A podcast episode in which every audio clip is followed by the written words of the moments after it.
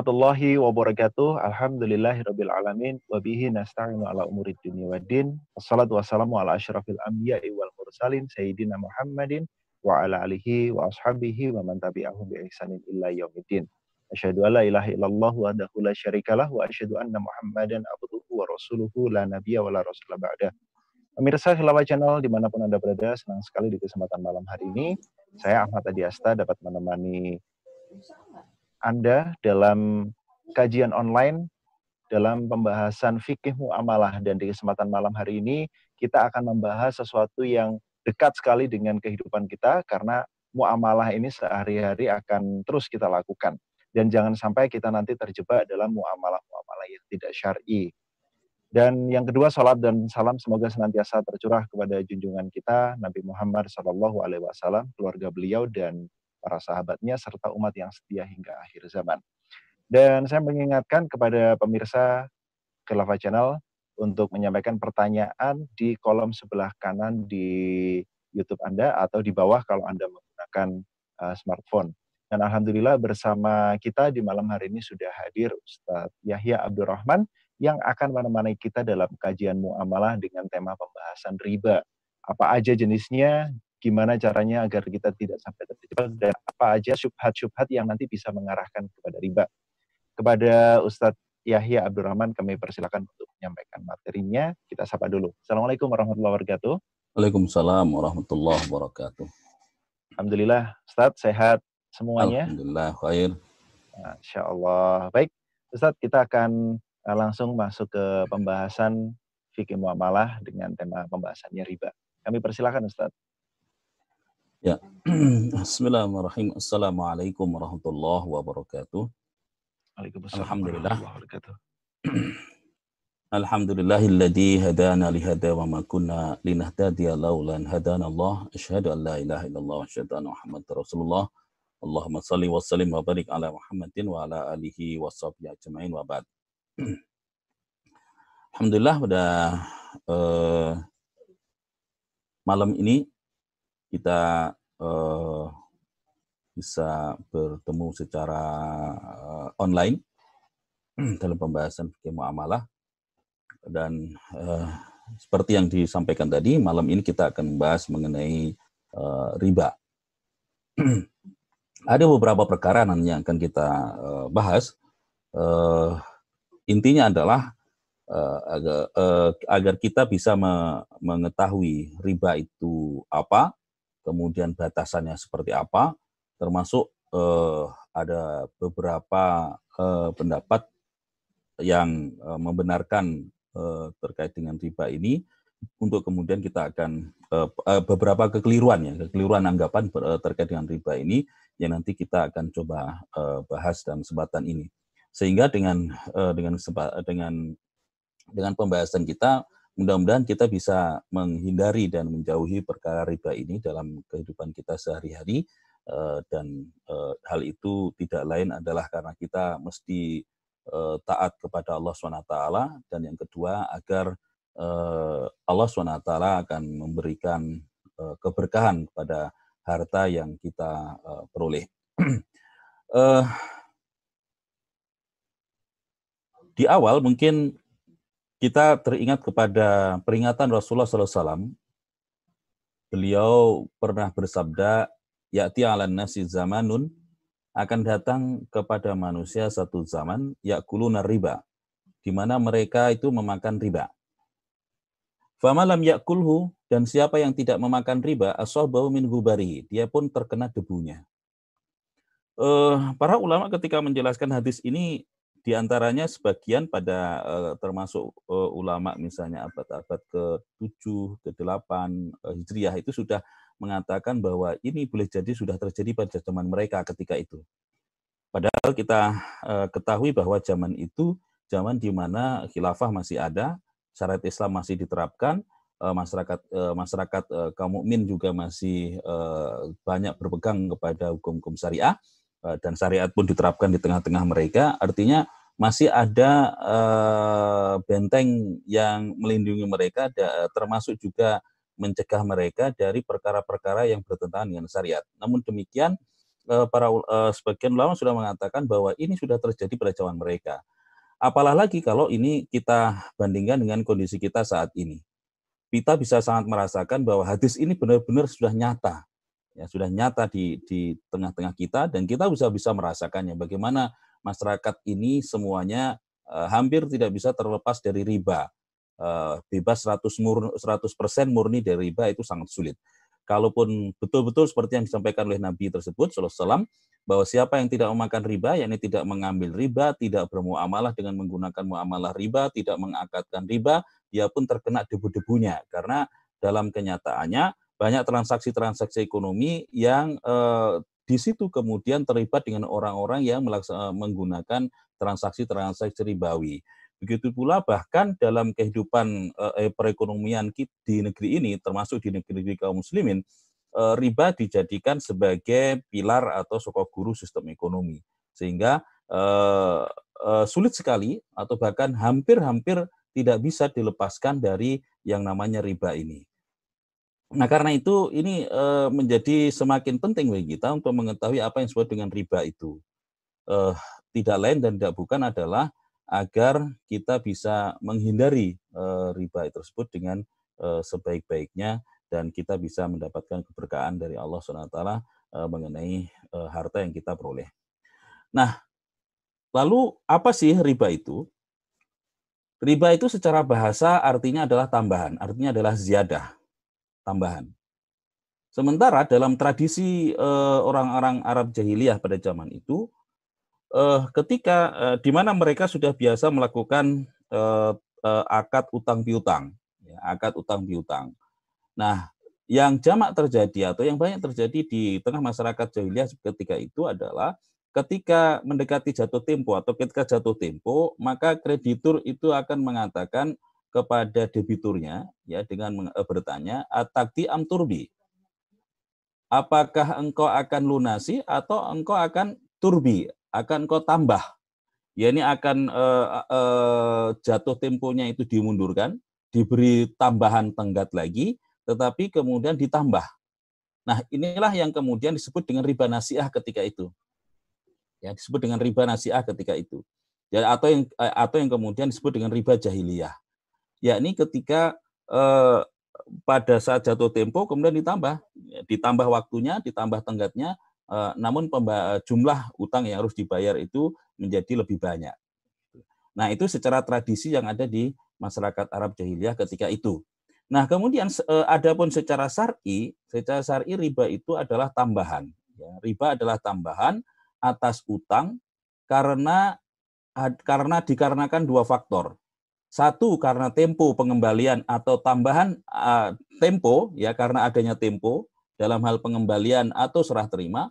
Dan yang kedua adalah uh, tambahan dalam pertukaran harta-harta ribawi dikarenakan adanya kelebihan ya kelebihan atau pertukaran dua harta sejenis di antara harta ribawi itu yang dilakukan secara uh, tidak tunai ya, secara tidak tunai. Uh, intinya adalah eh, tambahan itu terjadi karena salah satu, satu dari dua aspek. Satu pertama karena adanya nasiah, yakni adanya tam, eh, adanya tempo, dan yang kedua adalah al-fadl, adanya kelebihan eh, pada sepertukaran. Nah, itu yang eh, yang eh, dimaksud dengan eh, riba secara syar'i. Adapun, nah dari situ pula riba itu kemudian ada dua macam. Secara garis besarnya ada dua macam. Meskipun sebagian ulama kemudian merinci dari dua itu menjadi empat. Yang pertama adalah riba nasiah. Riba yang muncul karena adanya eh, tenggat, adanya tempo, adanya penundaan. Nasiah itu nama artinya adalah penundaan, ditunda. Nah, apa bentuknya? Pertama adalah tambahan pembayaran utang baik itu ditetapkan sejak awal, disepakati sejak awal ataupun seperti yang dilakukan pada masa eh, jahiliyah tersebut. Dan ketika jatuh tempo, kemudian diakhirkan lagi, ditambah temponya lagi dengan ada tambahan pembayaran utang. Nah, ini kemudian disebut dengan riba. Ya, itu adalah riba karena adanya penundaan. Nah, dalam hal ini eh, sebagian ulama kemudian membedakan kalau ditetapkan sejak awal, ya ini pada saat akad utang piutang itu kemudian sudah disepakati atau diakatkan adanya tambahan atas jumlah utang yang di uh, yang harus dibayar. Misalnya utangnya satu juta, kemudian dalam akad utang piutang itu sudah sepakati nanti akan dikembalikan menjadi satu juta disertai tambahan. Eh, entah berapapun tambahannya bisa seratus ribu bisa kurang bisa lebih. Maka ini yang kemudian oleh sebagian ulama disebut dengan riba kordun. Ya ini disebut dengan riba kordun. Adapun kemudian kalau eh, pada saat jatuh tempo kemudian ditambah temponya, ditambah tenggat waktunya, jatuh tempo dimundurkan, tetapi kemudian ada tambahan pembayaran eh, jumlah utangnya yang harus dibayar itu menjadi bertambah, oleh sebagian ulama kemudian disebut dengan riba nasiah. Nah, yang kedua, jenis yang kedua di antara dari riba nasiah ini adalah jual beli enam jenis barang ribawi yang uh, ya nanti disebut yang disebutkan di dalam uh, hadis Ya, nanti apa itu enam, enam barang ribawi itu kita akan bahas juga. Nanti kita akan uh, menisbatkan kepada riwayat yang menjelaskan hal itu. Ya, ini jual beli enam, enam barang jenis ribawi. Di antara keenam barang tersebut, baik sesama jenis ataupun berlawanan jenis, tetapi ada penundaan, ada penundaan serah terima. Ya, ada penundaan serah terima. Maka di situ ada uh, riba. Ya, yang kemudian oleh sebagian ulama riba karena penundaan serah terima terkait dengan pertukaran enam uh, jenis barang ribawi antar enam jenis barang ribawi ini disebut dengan riba yadun. Nah, jenis riba yang kedua secara umum adalah riba fadl. Riba fadlnya adalah riba karena uh, adanya kelebihan, saling berlebih, adanya tafadul, adanya kelebihan antara dua uh, saling berlebih di antara dua jenis harta yang dipertukarkan dan itu adalah berlaku untuk enam jenis harta yang disebut dengan harta e, ribawi. Nah, karena adanya kelebihan itulah kemudian riba ini disebut dengan riba fadol. E, ada ada satu riwayat ya dari Ibnu Abbas radhiallahu anhu di mana beliau mengatakan la riba illa finasiah, tidak ada riba kecuali pada nasiah yang kemudian e, berdasarkan itu dikatakan bahwa Ibnu Abbas menolak ya adanya riba fadol. Tetapi riwayat yang lain menjelaskan bahwa Ibnu Abbas radhiallahu kemudian mengoreksi pendapatnya setelah mendapati atau mendengar uh, riwayat dari uh, Abu Said Al-Khudri yang menjelaskan adanya riba fadl tersebut. Walhasil uh, kemudian uh, bahwa riba itu ada riba nasiah, ada riba fadl, yang riba nasiah itu ada dalam uh, terjadi dalam tiga bentuk tadi, itu telah menjadi pendapat jumhur ulama, kebanyakan uh, ulama uh, dan fukoha. Nah, kemudian yang harus kita ingat adalah bahwa riba ini diharamkan dengan pengharaman yang sangat keras di dalam nas yang diharamkan oleh Allah dengan pengharaman yang sangat keras. Uh, Allah swt uh, tidak membiarkan adanya interpretasi, ya, adanya interpretasi tentang keharaman riba. Oleh karena itu Allah menyatakan keharaman riba itu dengan nas yang sifatnya kot'i, dengan nas kot'i. Di dalam surat Al-Baqarah ayat 275 Allah SWT berfirman A'udzubillahi minasyaitonirrajim wa ahalallahu al-bai'a wa ahalallahu al-bai'a wa harrama riba. Allah menghalalkan jual beli dan mengharamkan riba. Nah, kalimat wa harrama riba itu tidak itu adalah e, sifatnya qat'i. Ya, bahwa riba itu haram. Tidak ada interpretasi lain hanya ada satu makna yang bisa dimahami dari dari kalimat tersebut, yakni bahwa riba itu haram. Ya. Nah, karena itu kemudian eh, di dalam eh, ayat 278 279 kemudian Allah melanjutkan eh, eh, di dalam firman-Nya itu ya ayyuhalladzina amanu taqullaha wa dharu ma riba karena begitu kerasnya pengharaman itu maka Allah menegaskan kembali yakni wahai orang-orang yang beriman bertakwalah kepada Allah wadharu ma baqiya minar riba dan tinggalkanlah sisa riba. In kuntum mukminin jika engkau berminan uh, jika jika engkau adalah orang-orang yang beriman. Artinya kalau setelah ada larangan tersebut atau uh, di ini ini ini ini berlaku untuk orang-orang pada zaman Rasulullah SAW yakni mereka sudah mengakatkan riba lalu turun larangan yang tegas tentang riba ini, yang keharaman riba ini, maka diperintahkan untuk meninggalkan sisa riba yang belum dipungut. Ya, meninggalkan sisa riba yang belum dipungut. Jika mereka berim, eh, termasuk orang-orang yang beriman. Artinya kalau mereka eh, masih eh, melakukan riba atau memungut riba, maka itu adalah perbuatan orang-orang yang tidak beriman atau cerminan dari eh, perbuatan orang-orang yang tidak beriman. Maka Allah kemudian mengingatkan fa'ilam taf'alu dan jika engkau tidak melakukannya maka fa'danu biharbi minallahi wa rasulihi maka tunggulah ya bahwa Allah mengumumkan perang Allah dan Rasulnya mengumumkan perang terhadapnya. Wa ing tubtum dan jika kamu bertaubat falakum ru'usu amwalikum maka bagimu adalah pokok harta kalian la tatlimuna engkau kalian tidak didolimi wala tutlamun dan tidak di uh, kalian tidak mendolimi dan tidak pula dizolimi. Nah, jadi dari dari dua dari ayat-ayat ini maka eh, pengharaman terhadap riba ini adalah penghara, termasuk salah satu eh, pengharaman yang dinyatakan dengan uslub dengan redaksi yang tegas dan sangat keras. Ya, dan sangat keras. Karena sampai-sampai jika masih ada maka sudah. Ya jangan diulangi lagi maka yang diambil hanya pokok hartanya saja. Kalau orang kalau orang itu masih mengambil, maka itu adalah cerminan dari uh, perilaku orang-orang yang tidak beriman. Ya. Kemudian uh, Allah SWT menyatakan bahwa dosa riba itu sangat besar. Di dalam surat Al-Baqarah 275, Allah eh, menyatakan berfirman, Ya a'udzubillahi minasyaitonir rajim. Alladzina yakuluna riba la yakumuna illa kama yakumul ladzi yatakhabbatu syaitanu minal mas. Orang-orang yang makan riba mereka tidak bisa berdiri kecuali seperti berdirinya orang yang kemasukan setan lantaran penyakit gila. Kenapa demikian? Dzalika yang demikian itu bi'annahum qalu karena mereka mengatakan innamal bai'u mislu riba sesungguhnya jual beli itu seperti riba sama dengan riba. Riba disamakan dengan jual beli, jual beli disamakan dengan riba. Wa ahalallahul bai'a wa harrama Padahal Allah telah menghalalkan jual beli dan sebaliknya mengharamkan riba. Faman ja'ahu ma'idatu min rabbih fantaha maka siapa saja yang telah datang kepadanya peringatan dari Robnya lalu dia berhenti falahu masalafa maka untuknya apa yang telah berlalu yakni untuknya riba yang sudah dia ambil, yang sudah selesai, wa amruhu ilallahi, dan perkaranya itu eh, kembali kepada Allah SWT. Yang kemudian para ulama mengatakan, maksudnya adalah wa insa'a ghafaralahu, eh, jika Allah menginginkan Allah memberikan ampunan dan jika Allah menginginkan ya Allah akan bisa akan menyiksa memberikan siksa atas apa yang sudah berlalu tersebut. Waman ada, tetapi siapa yang kembali mengulangi mengambil riba, faulaika asabunar, maka mereka termasuk orang, adalah penghuni neraka, hum khalidun dan mereka kekal di dalamnya.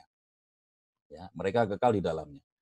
Eh, ayat ini kalau ayat 278 279 itu kan kemudian mengatakan siapa yang mas, yang uh, sudah mengakatkan riba ya masih ada sisa yang belum diambil maka yang boleh diambil hanya pokok hartanya saja.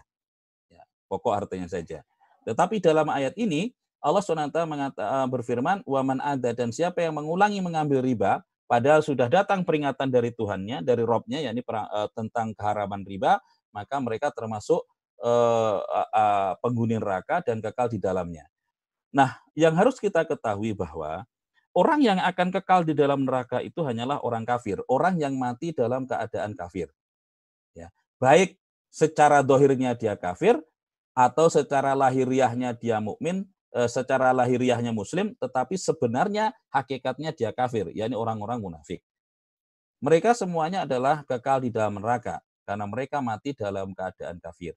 Nah, oleh karena itu kalimat bahwa hum uh, faulaika ashabun nari hum fiha khalidun hum khalidun itu menegaskan mereka ini telah kafir. Mereka ini telah mur, uh, kalau sebelumnya muslim berarti mereka ini telah murtad. Kenapa demikian itu? Itu kembali kepada anggapan tadi. Kalau mereka mengatakan inamal bayi mislu riba. Karena mereka mengatakan jual beli itu sama dengan riba. Yakni mereka menganggap riba itu adalah halal sebagaimana jual beli. Ya. Mereka menganggap halal Eh, riba itu ya sama seperti jual beli. Atau dengan kata lain yang kekal di dalam mereka adalah mereka yang melakukan riba karena mereka menghalalkan riba. Ya menghalalkan riba.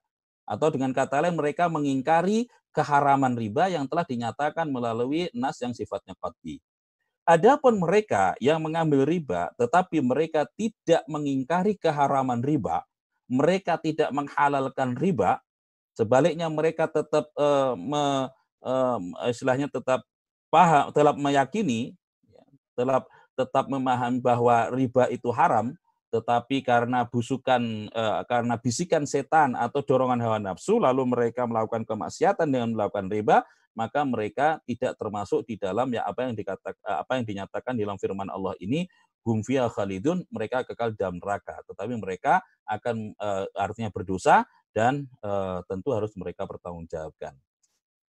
Nah, kemudian uh, dosa uh, riba riba itu termasuk dosa besar ya uh, Rasulullah SAW berpesan, istanibu sab'al mubiqat. Jauhilah tujuh dosa besar. Kemudian salah satunya di antaranya adalah wa aklu riba dan memakan riba. E, jadi dia termasuk dosa besar. Kemudian untuk me, untuk me, makin menakut-nakuti ya untuk untuk membuat e, agar manusia itu takut dan menjauhi riba dengan eh, dan segera meninggalkan riba, maka ada tarhib buat tarhib. Ada tarhib, ada uh, teror gitu ya. Ada ada ungkapan untuk menyatakan betapa ngerinya tentang dosa riba ini sehingga orang itu akan segera meninggalkan tanpa tanpa menunda-nundanya. Di antaranya adalah sabda Rasulullah SAW yang diriwayatkan oleh Imam Ibnu Majah dan Al Hakim bahwa Rasul bersabda, "Ar-riba salah satu wa sab'una baban." Riba itu memiliki 73 pintu.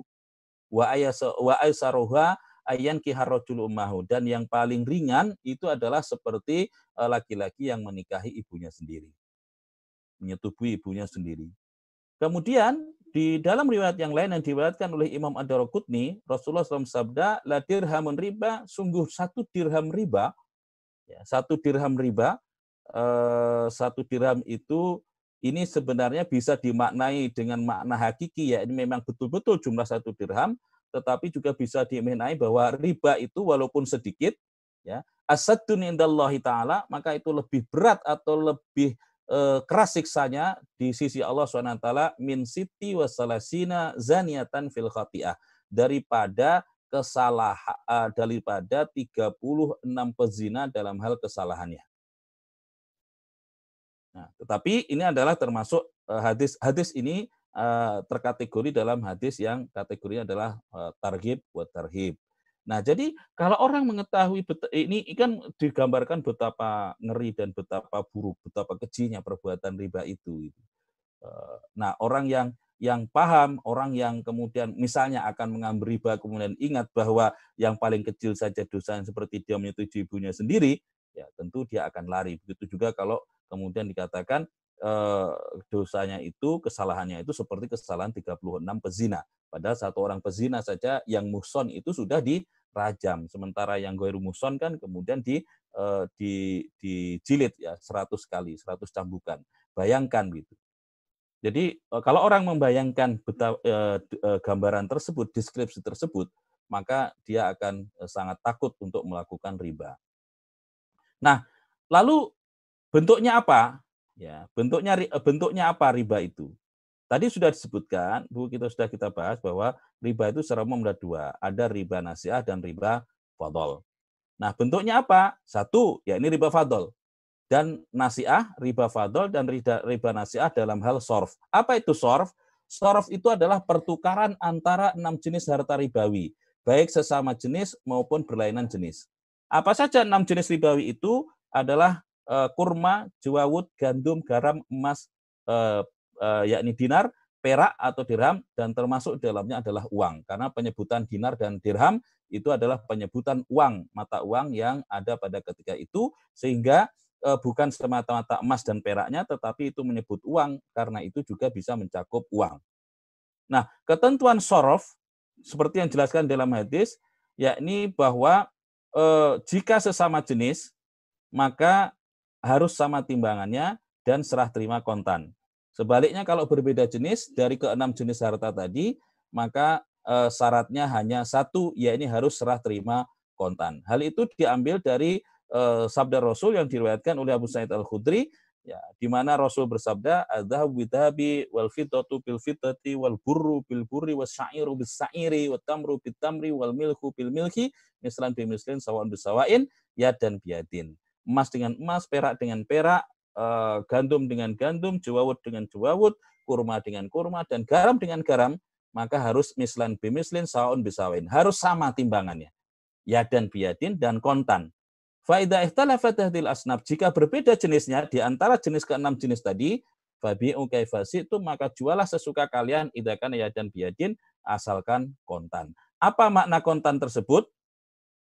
Ya, apa makna kontan tersebut nanti dijelaskan dalam uh, hadis yang diriwayatkan dari oleh Umar bin Khattab radhiyallahu anhu. Ya, oleh Umar bin Khattab radhiyallahu anhu. Yakni uh, yakni diriwayatkan dari Malik bin Aus bin Al-Hadasan dia mengatakan bercerita bahwa dia pernah datang ya, kemudian ber, menawarkan kepada siapa saja yang ada ketika itu ya e, siapa yang mau menukarkan dirhamnya. Dia punya punya dira, punya dinar dan dia ingin menukarnya kepada dirham.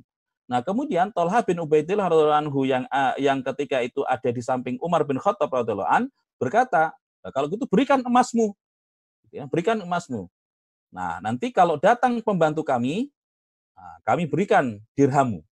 Maka Umar bin Khattab radhiyallahu kemudian menginterupsi, tidak.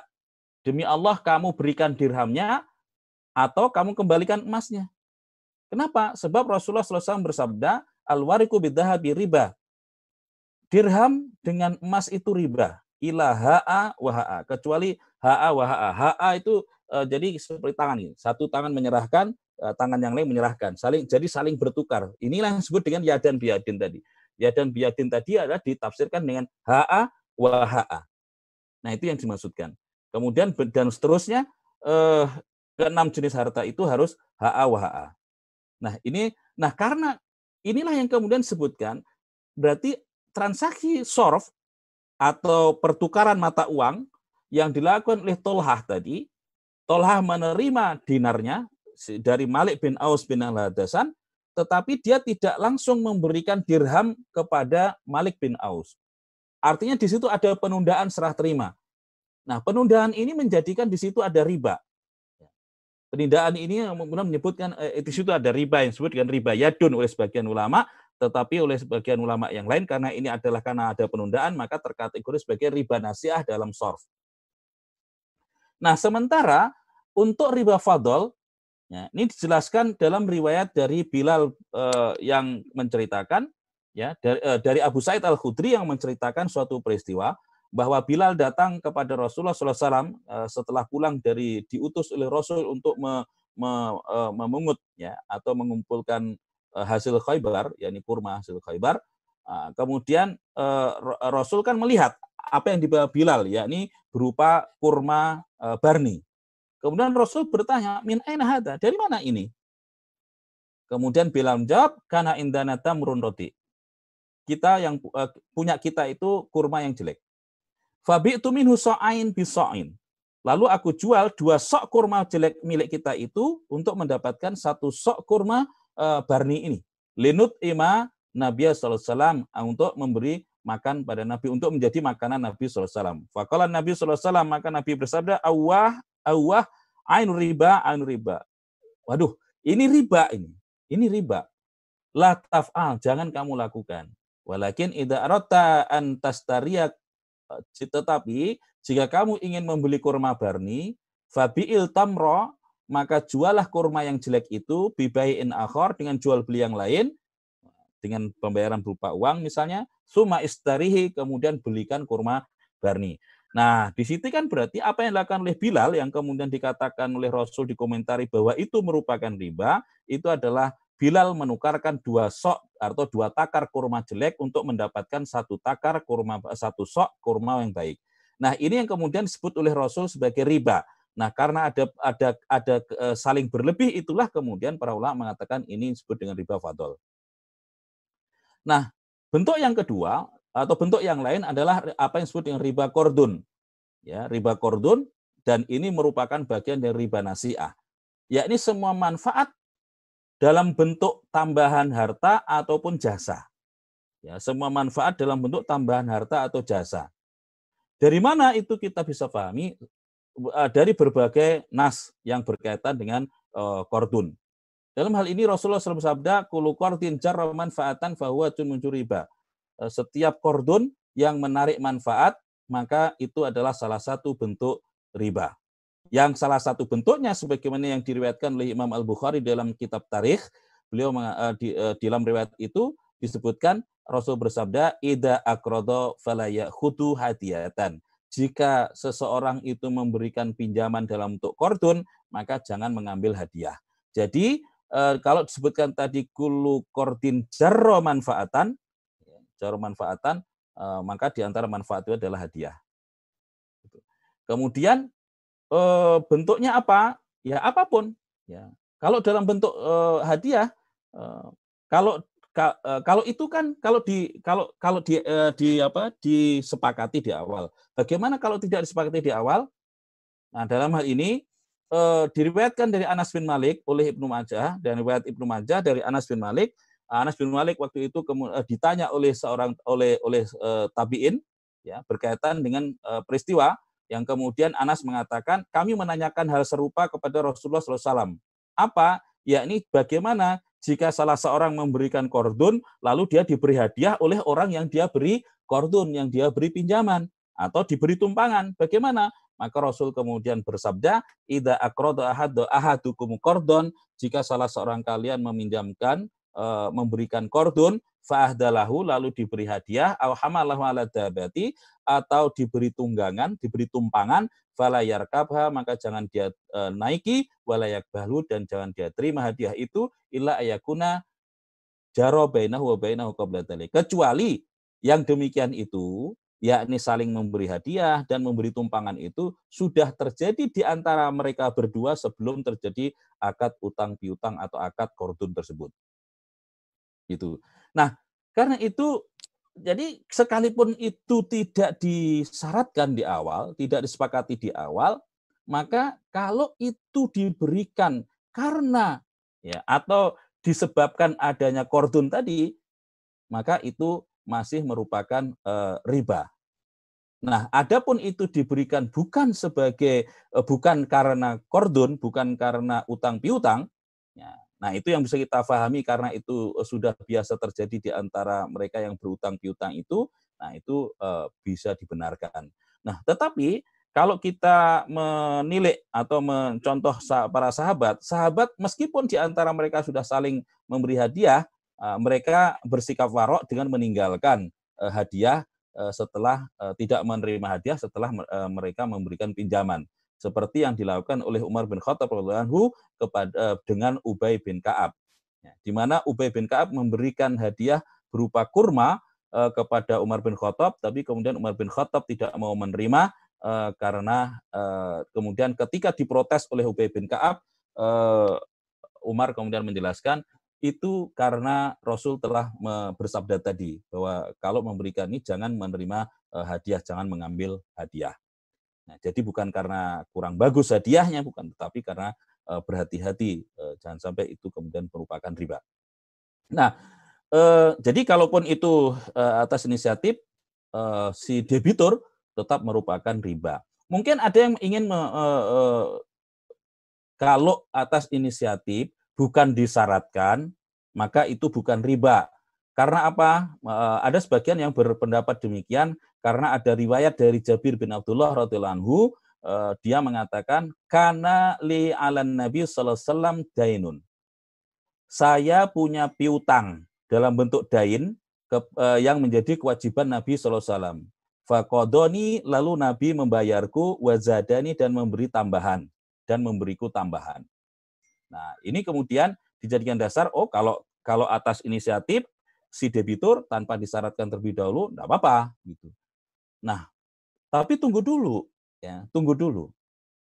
Karena eh, di dalam nas itu disebutkan bahwa praktek yang terjadi, akad yang terjadi, muamalahnya itu adalah muamalah dalam bentuk dain, bukan dalam bentuk kordun.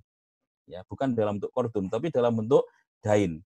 Apa beda dain dengan kordun? Kordun itu adalah menghutangkan barang yang ada padanannya yang nanti akan dibayar dengan barang yang serupa, ya, barang yang sama, gitu ya, barang yang eh, padanan dari barang yang diutangkan. Sedangkan dain, dain itu adalah uh, utang dalam bentuk kompensasi yang ditunda, bisa dalam bentuk harga yang ditunda, uh, harga yang dikredit, uh, kemudian upah yang dikredit atau sewa yang dikredit, termasuk mahar yang dikredit dan lain sebagainya. Nah, itu termasuk adalah dain.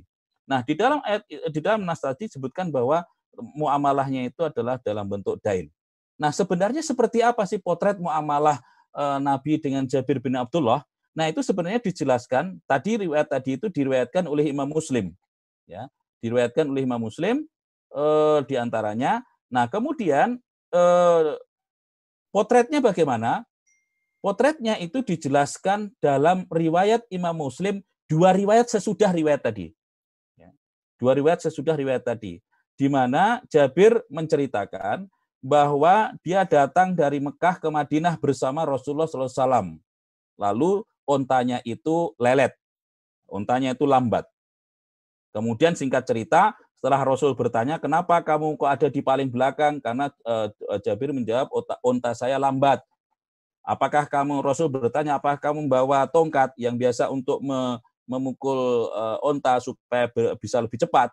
Kemudian ketika eh, kemudian Jabir memberikan tongkat itu dan Rasul kemudian mempercepat unta itu dengan memukulnya, maka begitu dipukuli Rasul, unta itu menjadi sangat gesit sehingga sampai-sampai kemudian dari yang semula Jabir itu ada di bagian paling belakang, dia akhirnya menjadi paling depan. Nah, kemudian Rasul Rasul kemudian menghampiri Jabir eh, kemudian masih di perjalanan dari Mekah ke Madinah, maka Rasul kemudian uh, meminta agar onta itu dijual kepada beliau. Nah, uh, Jabir bin Abdullah ketika itu menolak untuk menjualnya, malahan malah menghadiahkannya kepada Rasulullah SAW. Tetapi Rasul tidak mau menerima hadiah itu, uh, melainkan hanya mau membelinya. Dan kemudian terjadilah kesepakatan jual beli di mana ya, di mana kemudian Rasul akan membayarnya setibanya di Madinah. Ya, Rasul akan membayarnya setibanya di Madinah dan kemudian Rasul mengizinkan Jabir bin Abdullah untuk tetap menunggangi onta itu sampai di Madinah. Nah, baru nanti setelah di Madinah ya diserahkan kepada Rasulullah SAW. Nah, setibanya di Madinah, kemudian eh, singkat cerita, Jabir kemudian menghampiri Rasulullah SAW yang waktu itu ada di masjid, ya di Masjid Nabawi. Kemudian setelah itu Rasul memerintahkan kepada Bilal untuk memberikan Eh, membayar uh, Jabir ya di dalam satu riwayat, satu riwayat disebutkan satu aukiyah ya ini satu aukiyah sementara di dalam riwayat yang lain disebutkan uh, harganya berupa empat dinar. Nah, kemudian Rasul memerintahkan kepada Bilal untuk memberi tambahan satu kirot. Nah, itulah potretnya. Jadi potretnya adalah ada transaksi jual beli unta secara kredit oleh Nabi dan uh, Jabir bin Abdullah. Jabir si penjual, Nabi si pembeli. Nabi membeli unta milik Jabir secara kredit, yakni nanti setiba di Madinah kemudian baru dibayar.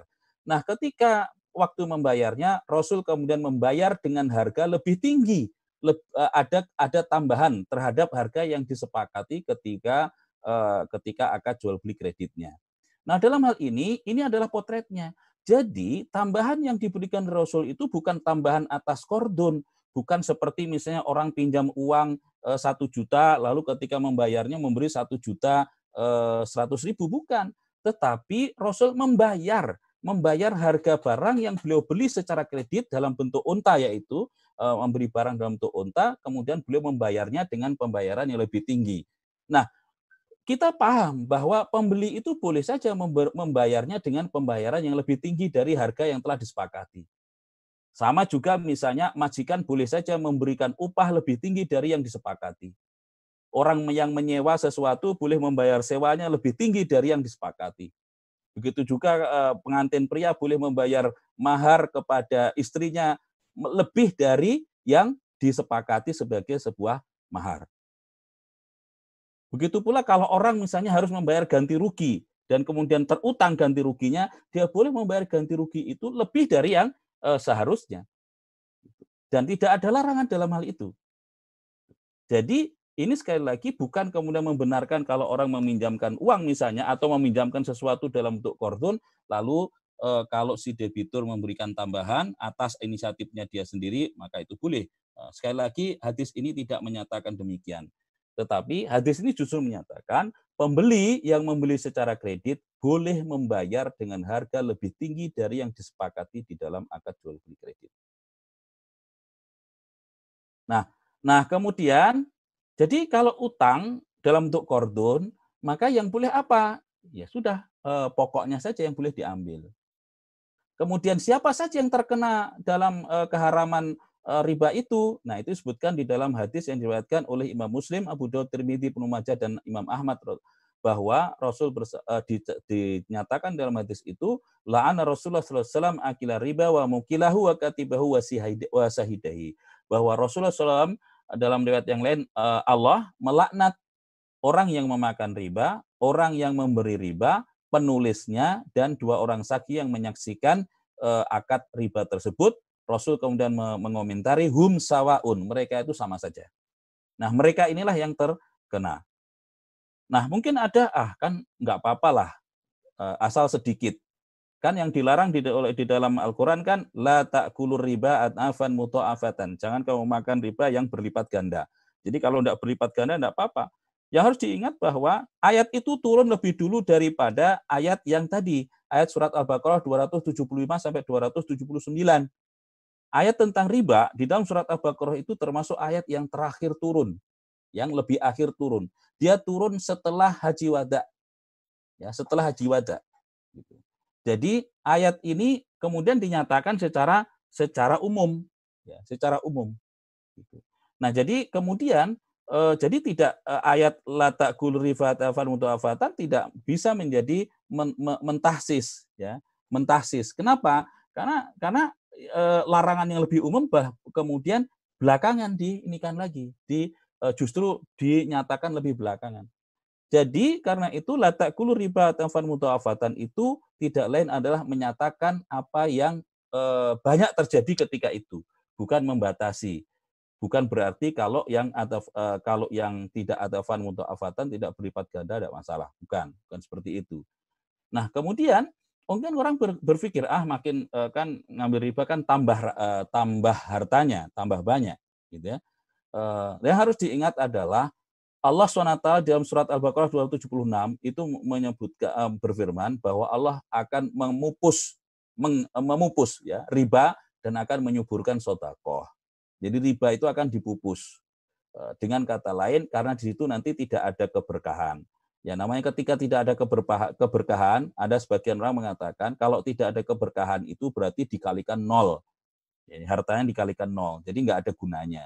Eh, karena itu juga bukan akan bertambah, melainkan akan berkurang, karena manfaatnya akan berkurang. Nah, sementara di dalam riwayat disebutkan dalam hadis Ibnu Majah dan Ahmad, Rasul bersabda, "Inna riba Sesungguhnya riba itu wa in kasuro meskipun banyak fa'aki batuh ila maka akhirnya itu ujung-ujungnya itu akan sedikit. Ujung-ujungnya itu menjadi sedikit. Nah, oke okay ya. Kemudian kalau pemberian seperti itu enggak tambahan manfaat ataupun harta itu enggak boleh, lalu bagaimana? Nah, yang boleh adalah kodoul hasan, pengembalian yang lebih baik. Kodoul hasan itu adalah mengembalikan dengan jumlah harta yang sama tetapi dengan kualitas yang lebih baik. Itulah yang dilakukan Rasulullah SAW ketika beliau berutang satu ekor anak unta umur satu tahun, lalu ketika akan membayarnya dengan unta sodakoh, artinya berarti beliau meminjamnya atau menghutangnya itu bukan untuk beliau sendiri, melainkan itu untuk kepentingan negara, eh, kemudian dibayar dengan unta sodakoh, maka yang didapati ketika itu Abu Rafiq yang disuruh untuk membayarnya eh, yang dia temukan yang ada ontanya itu adalah onta umur 4 tahun, onta rubai, umur onta umur 4 tahunan. Nah, tentu saja kan lebih besar. Ya, lebih besar secara nilai tentu lebih tinggi. Namun kemudian Rasul tetap menyuruh Abu Rafiq untuk membayarnya dan beliau berkomentar, "Inna uh, uh, khiyarun nasi ahsanuhum kodoan. Sesungguhnya manusia yang paling baik itu adalah yang lebih baik atau yang uh, paling baik pembayarannya. Nah, jadi pembayaran yang boleh adalah kodoul hasan seperti itu. Nah, boleh dalam hal itu, uh, yakni mengembalikan dalam kordon, ya, dalam kordon mengembalikan jumlah yang harta yang sama, jumlahnya yang sama, tapi kualitasnya lebih baik. Contohnya tadi, ya uh, utangnya satu ekor unta dibayar dengan satu ekor unta, tapi usianya lebih tua, ukurannya lebih besar. Contoh lain misalnya, uh, uh, ini menjelang uh, kurban misalnya, utangnya satu ekor kambing, lalu kemudian dibayar dengan satu ekor kambing dengan ukuran yang lebih besar. Atau misalnya utangnya roti dibayar dengan roti yang lebih baik. Misalnya utangnya beras lalu dibayar dengan beras yang lebih baik. Gitu. Atau misalnya utangnya emas 23 karat dibayar dengan emas 24 karat dengan berat yang sama. Nah ini yang disebut dengan kodoul hasan. Ya, disebut dengan kodoul hasan. Nah seperti itulah riba jadi riba kira-kira eh, rambu-rambunya adalah seperti itu. Adapun tadi dalam bentuk dain, ya, dalam bentuk dain, maka kalau misalnya jual beli kredit, kemudian uh, jatuh tempo, kemudian ditambah temponya, di, uh, kemudian yang dibayarkan harus bertambah, maka itu masih termasuk riba nasiah. Adapun jika pembeli membayar lebih tinggi atas inisiatifnya sendiri, bukan diminta dan bukan merupakan kesepakatan dengan penjualnya, maka itu tidak masalah. Karena itulah yang juga dicontohkan oleh Rasulullah SAW ketika membayar harga unta yang beliau beli secara kredit dengan disertai tambahan. Artinya lebih tinggi dari harga yang disepakati. Jadi mungkin eh, ini barangkali pengantarnya. Kalau eh, terkait dengan riba secara lebih secara singkat, eh, rambu-rambunya dan juga eh, bentuknya sekaligus juga meluruskan beberapa anggapan yang mungkin ada di tengah-tengah masyarakat. Nah, jadi ini terkait dengan riba. Saya kira sampai di sini dulu untuk pengantarnya. Silahkan kalau ada yang ingin ditanyakan atau kita diskusikan, boleh silahkan. Iya baik, uh, jazakallah Ustadz Yahya Abdurrahman atas penjelasannya tentang riba dan ini uh, memunculkan banyak sekali pertanyaan. Ini sudah uh, hadir beberapa pertanyaan dari uh, pemirsa di Khilafah Channel, uh, antara lain uh, seputar uh, kalau membayar terlambat ada denda itu seperti apa. Kemudian uh, ada juga yang terkait juga uh, sistem pembayaran online itu bagaimana. Nah nanti akan kita uh, balas satu persatu, uh, akan kita bahas satu persatu. Yang pertama uh, dari Anita, Ustadz izin bertanya kalau air, uh, bayar air dan listrik itu terlambat, kemudian ada dendanya, apakah termasuk riba begitu? Dalam hal itu, jadi ini kan seperti uh, uh, memang di situ nanti harus kita bedakan. Di situ kan akad akad utamanya adalah akad ijaroh. Ya, akad utamanya adalah akad ijaroh. Uh, bicara untuk menyediakan eh, tadi menyediakan listrik karena yang di ini berada lebih tepatnya akad ijaroh. Kemudian kalau di situ eh, eh, eh, jadi ketika kemudian telat membayarkan, selama itu disepakati di awal, maka eh, itu bukan bukan riba karena memang bukan bukan utang piutang. Akad awalnya bukan utang piutang, juga bukan eh, bukan akadnya dalam bentuk uh, ijaroh yang uh, uh, ujrohnya itu di, di, ditunda. Jadi akadnya bukan dain, ya, tetapi akadnya adalah ijaroh. Nah kalau iya, disepakati ya, situ ada penu, jika ada penundaan nanti dikenai dikenakan uh, denda, maka uh, itu bukan menurut saya sih bukan riba. Iya. Artinya pembayaran uh, air dan juga listrik ini bukan termasuk uh, jual beli kredit yang bisa Ya, karena memang itu adalah nasiah itu ya. Ya, jaro. Ya, baik. Uh, terima kasih Sat. Ini juga uh, terkait dengan riba uh, enam uh, barang yang tadi Ustadz sebutkan juga. Itu gimana kalau sekarang kita jual beli online uh, koin dinar dirham juga kurma yang itu uh, harus kita beli online, kita bayar hari ini, kemudian barangnya nyampe nya nggak hari ini. Ya tentu Bagaimana itu enggak kalau enggak terjadi serah terima kontan enggak boleh karena itu berarti riba okay. kan gitu. Hmm.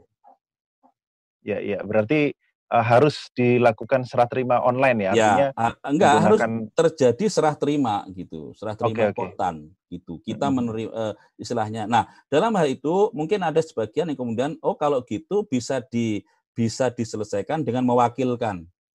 Ya. Yeah. Bisa uh, bisa diselesaikan dengan mewakilkan kepada seseorang atau satu pihak untuk uh, melakukan serah terima.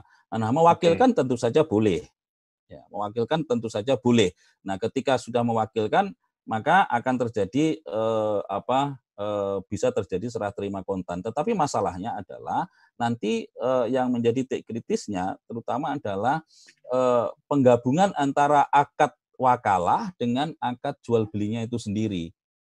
Baik. Karena kan eh, eh, artinya gini, akad wakalah itu kan mesti terjadi lebih dulu ya. agar kemudian jual belinya bisa terjadi secara kontan. Ya. Nah, akad wakalahnya itu kemudian kalau dikaitkan bahwa ini saya wakilkan eh, karena nanti, eh, dan nanti akan jual beli gitu. Nah, pertanyaannya kemudian diwakilkannya kepada siapa? Apakah terjadi akad wakalah itu atau tidak gitu. Eh, kalau akad wakalahnya kepada pihak yang sama yakni si penjual sendiri, maka itu tidak boleh gitu. Karena berarti dia kan Eh, berakad dengan dirinya sendiri. Satu orang kemudian eh, eh, mewakili dua pihak secara sekaligus. Nah, itu juga tidak di, tidak tidak dibenarkan menurut syariat karena itu harus diwakilkannya kepada pihak lain. Oleh karena itu, karena kerumitan tersebut memang jual belinya ini menurut saya lebih baik dihindari. Oke. Iya, baik. Termasuk Jadi, jual apalagi jual beli jual beli emas. Di samping nanti masih ada perkara-perkara yang lain yang terkait dengan ya. jual beli emas tadi. Mm-mm. Ya, selain serah terima kontan itu ya. Ya. Gitu. Ya, uh, karena memang uh, jual beli emas zaman sekarang ini uh, sedang sensitif untuk dibahas. Artinya uh, banyak kalangan juga yang ingin uh, beralih kepada mata uang dinar dan dirham, tapi uh, sementara uang yang beredar kan masih rupiah juga. Ini kalau dicari solusinya berarti pembayaran barang harus diantarkan ke rumah kemudian baru dibayar pada saat itu juga ya, Ustaz, ya. Ya, bisa COD. COD betul. Oke. Jadi, ya itu ketika, tadi sudah menjawab Nah, ketika ya bagaimana ini terah, sehingga serah terima kontannya terjadi. Oke, betul. Gitu. Ini ada tiga pertanyaan saat yang membahas tentang perkara itu, tentang eh, jual beli emas, eh, perak online, kemudian jual beli uh, terkait COD juga, dan juga uh, kurma. Jadi itu tadi uh, pemirsa solusinya untuk emas, ya, perak, lah. ya. kurma ini, ini dan satu barang -barang perkara ya. Ini ya. kalau kalau terkait dengan emas kan baru satu perkara. Betul. Kalau terkait dengan uh, uh, ada perkara-perkara yang lain misalnya terkait dengan nanti benarkah misalnya kalau jual beli dengan lembaga kemudian dibilangnya dititipkan di lembaga itu karena itu berarti terjadi serah terima kontan karena langsung dititipkan segala macam Eh, sekali yeah. lagi dari sisi itu masih bisa dipertanyakan. Yang kedua juga dari sisi benar atau tidak gitu, memang ada emasnya. Oke, okay. iya karena, karena sering juga. Karena lumayan loh. Kita beli kertas aja, Ustaz. Ya, Ka kita karena begini kita kertas. bisa bayangkan ya, kalau misalnya taruhlah beli dinar lah, koin dinar. Yeah. Kalau ada satu juta orang, ya kalau yeah. ada satu juta orang, berarti kan si lembaga itu harus menyimpan satu juta koin dinar. Betul tinggal kalikan saja kan, kalikan yeah. 4 gram berapa? Gram. Itu. Betul sekali. Gitu. Jadi nyewanya belum lagi nanti kan dia harusnya bertahap kan. Tidak boleh kan yeah. menye, uh, dia menyimpannya dalam bentuk emas uh, lantakan ya, kemudian dianggap ini ini ini milik bersama sekian orang karena tidak pernah okay. ada akad sirkah kepemilikan. Yeah. Itu. Kemudian juga tidak ada uh, akad untuk meleburkan ya meleburkan uh, harta satu dengan harta yang lain gitu. Jadi dari sisi yeah. amanahnya juga uh, uh, terlanggar gitu. Belum lagi okay. tadi ya kalau jumlahnya banyak kan juga akan besar sekali gitu dan itu butuh uh, biaya penyimpanan segala macam. Gitu. Betul. Betul. Risikonya juga besar. Nah, jadi masih benar atau tidak. Nah, pada faktanya kan kemudian kalau kalau uh, memang beli emas, mestinya kan ketika minta emasnya langsung ada. Betul. Ya kan? Tapi pada faktanya kan banyak yang terjadi nggak bisa langsung ada. Order dulu nanti satu bulan kemudian baru ada. Nah itu membuktikan bahwa memang emasnya nggak ada. Oke, iya iya. Berarti sama seperti kalau kita mau ngetes bank ya Ustadz ya. Jadi hari ini ada satu juta orang yang langsung beli emas, eh, mau ya, cash, yang mau lembaga gitu. apa pun lah. Ya. Lembaga apa pun, mau lembaga perbankan, mau lembaga eh, apa misalnya seperti investasi atau bahkan perorangan gitu loh. Iya. Betul. Di antaranya paling gampang memang ada emasnya atau tidak ya. Kalau saya minta emas saya hari ini, ada nggak? Iya. Harus Jadi ada. saya datang nggak nggak memberitahu dulu, ya. saya datang langsung ambil gitu. Iya. Karena namanya uang beli emas, beli emas itu berarti di sana harus sudah ada emas kan? Nah, kalau ternyata kita datang kemudian nggak bisa nggak bisa ngambil, berarti emasnya di mana? Iya. Betul betul. Nah ini Simple pemirsa kan? Channel harus memperhatikan juga ya terkait dengan emas ini. Ini yang kita bahas baru satu sisi, belum nanti fikih-fikih soal emas dan perak yang lain ya Ustadz ya. Ya itu dari sisi kan ini transaksinya aja. Iya betul betul. Jadi pemirsa harus uh, simak kajian-kajian fikih uh, muamalah kita di Khilafah Channel. Di samping kajian-kajian yang lain nanti uh, akan ada setiap harinya gitu. Uh, kita tahan dulu Ustadz pertanyaan ini sampai di sini. Kita akan lanjutkan pertanyaan seputar emas dan perak di lain kesempatan karena masih ada uh, pertanyaan uh, lain yang berhubungan dengan uh, pembahasan riba kali ini.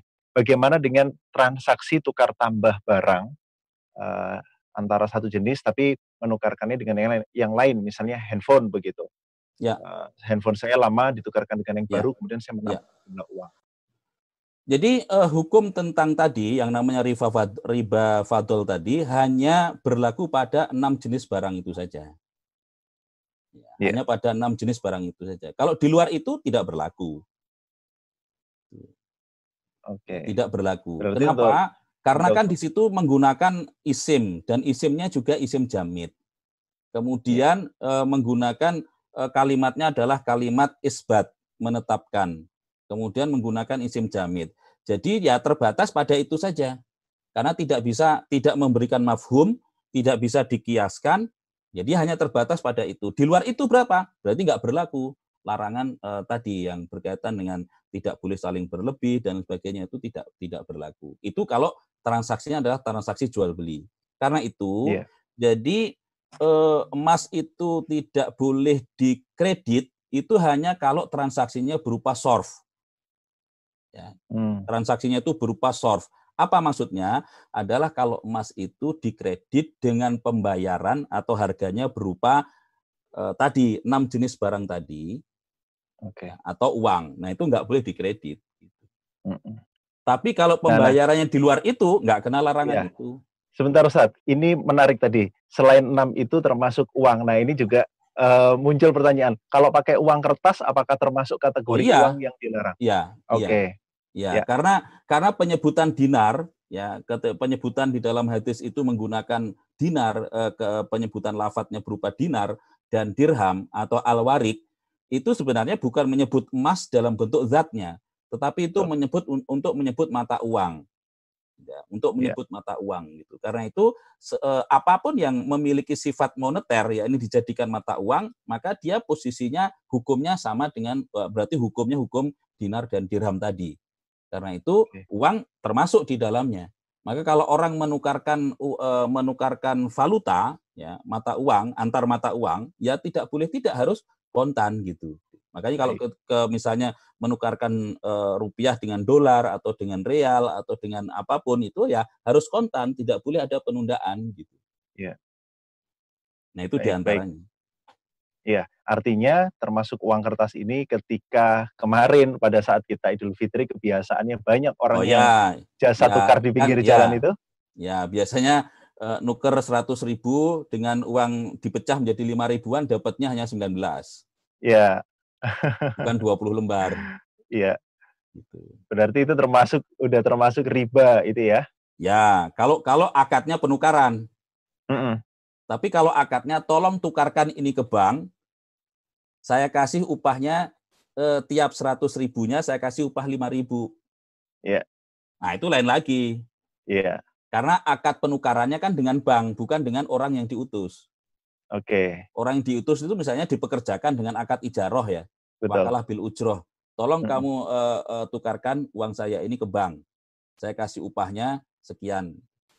Hmm. Tidak masalah kalau itu. Yeah. Nah, tapi kalau tuker ke orang itu, ini saya nuker uang 100 ribu. kemudian oke okay, saya kasih tukernya eh, 19 uang 5 ribuan. Nah, nggak boleh kalau seperti itu. Iya.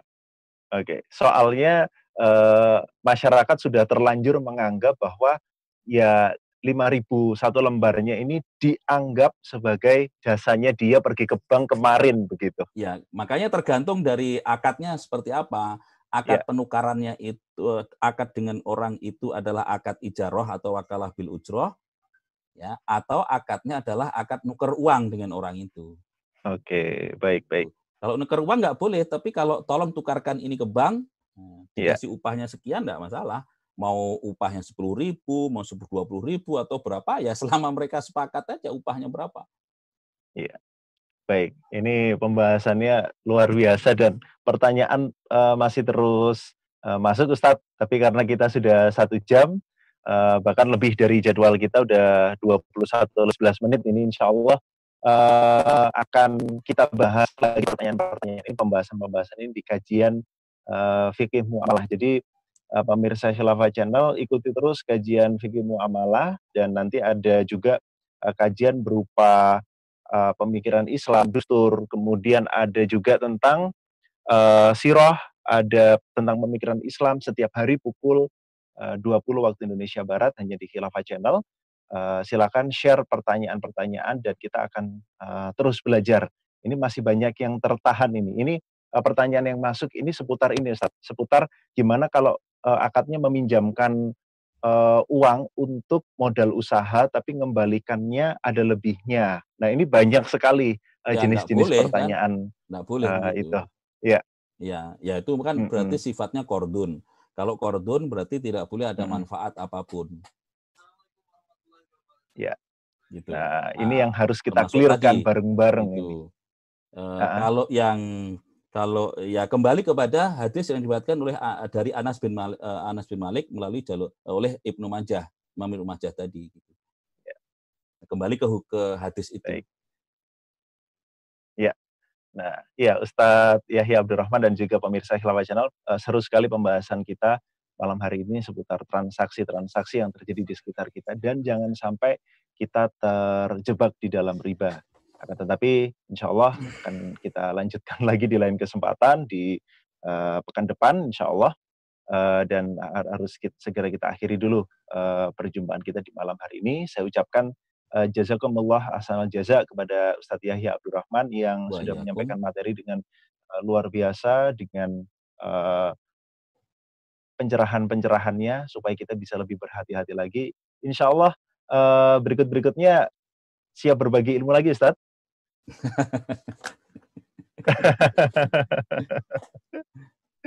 Iya, baik. Kita kita anggap jawaban senyumnya adalah uh, senyumnya Satyahya itu adalah harapan bagi kita untuk belajar lebih banyak dari beliau. Baik, uh, pemirsa Khilafah Channel di mana pun Anda berada, terima kasih telah menyaksikan kajian online Fikih Muamalah tentang riba uh, pada malam hari ini, hari Jumat, pukul 20 sampai pukul 21 waktu Indonesia Barat. Uh, dan kami mohon maaf atas segala khilaf. Insya Allah Khilafah Channel akan hadir dengan kajian-kajian yang uh, akan mencerahkan kita, akan membantu kehidupan kita menjadi lebih baik lagi setiap harinya pukul 20 waktu Indonesia Barat.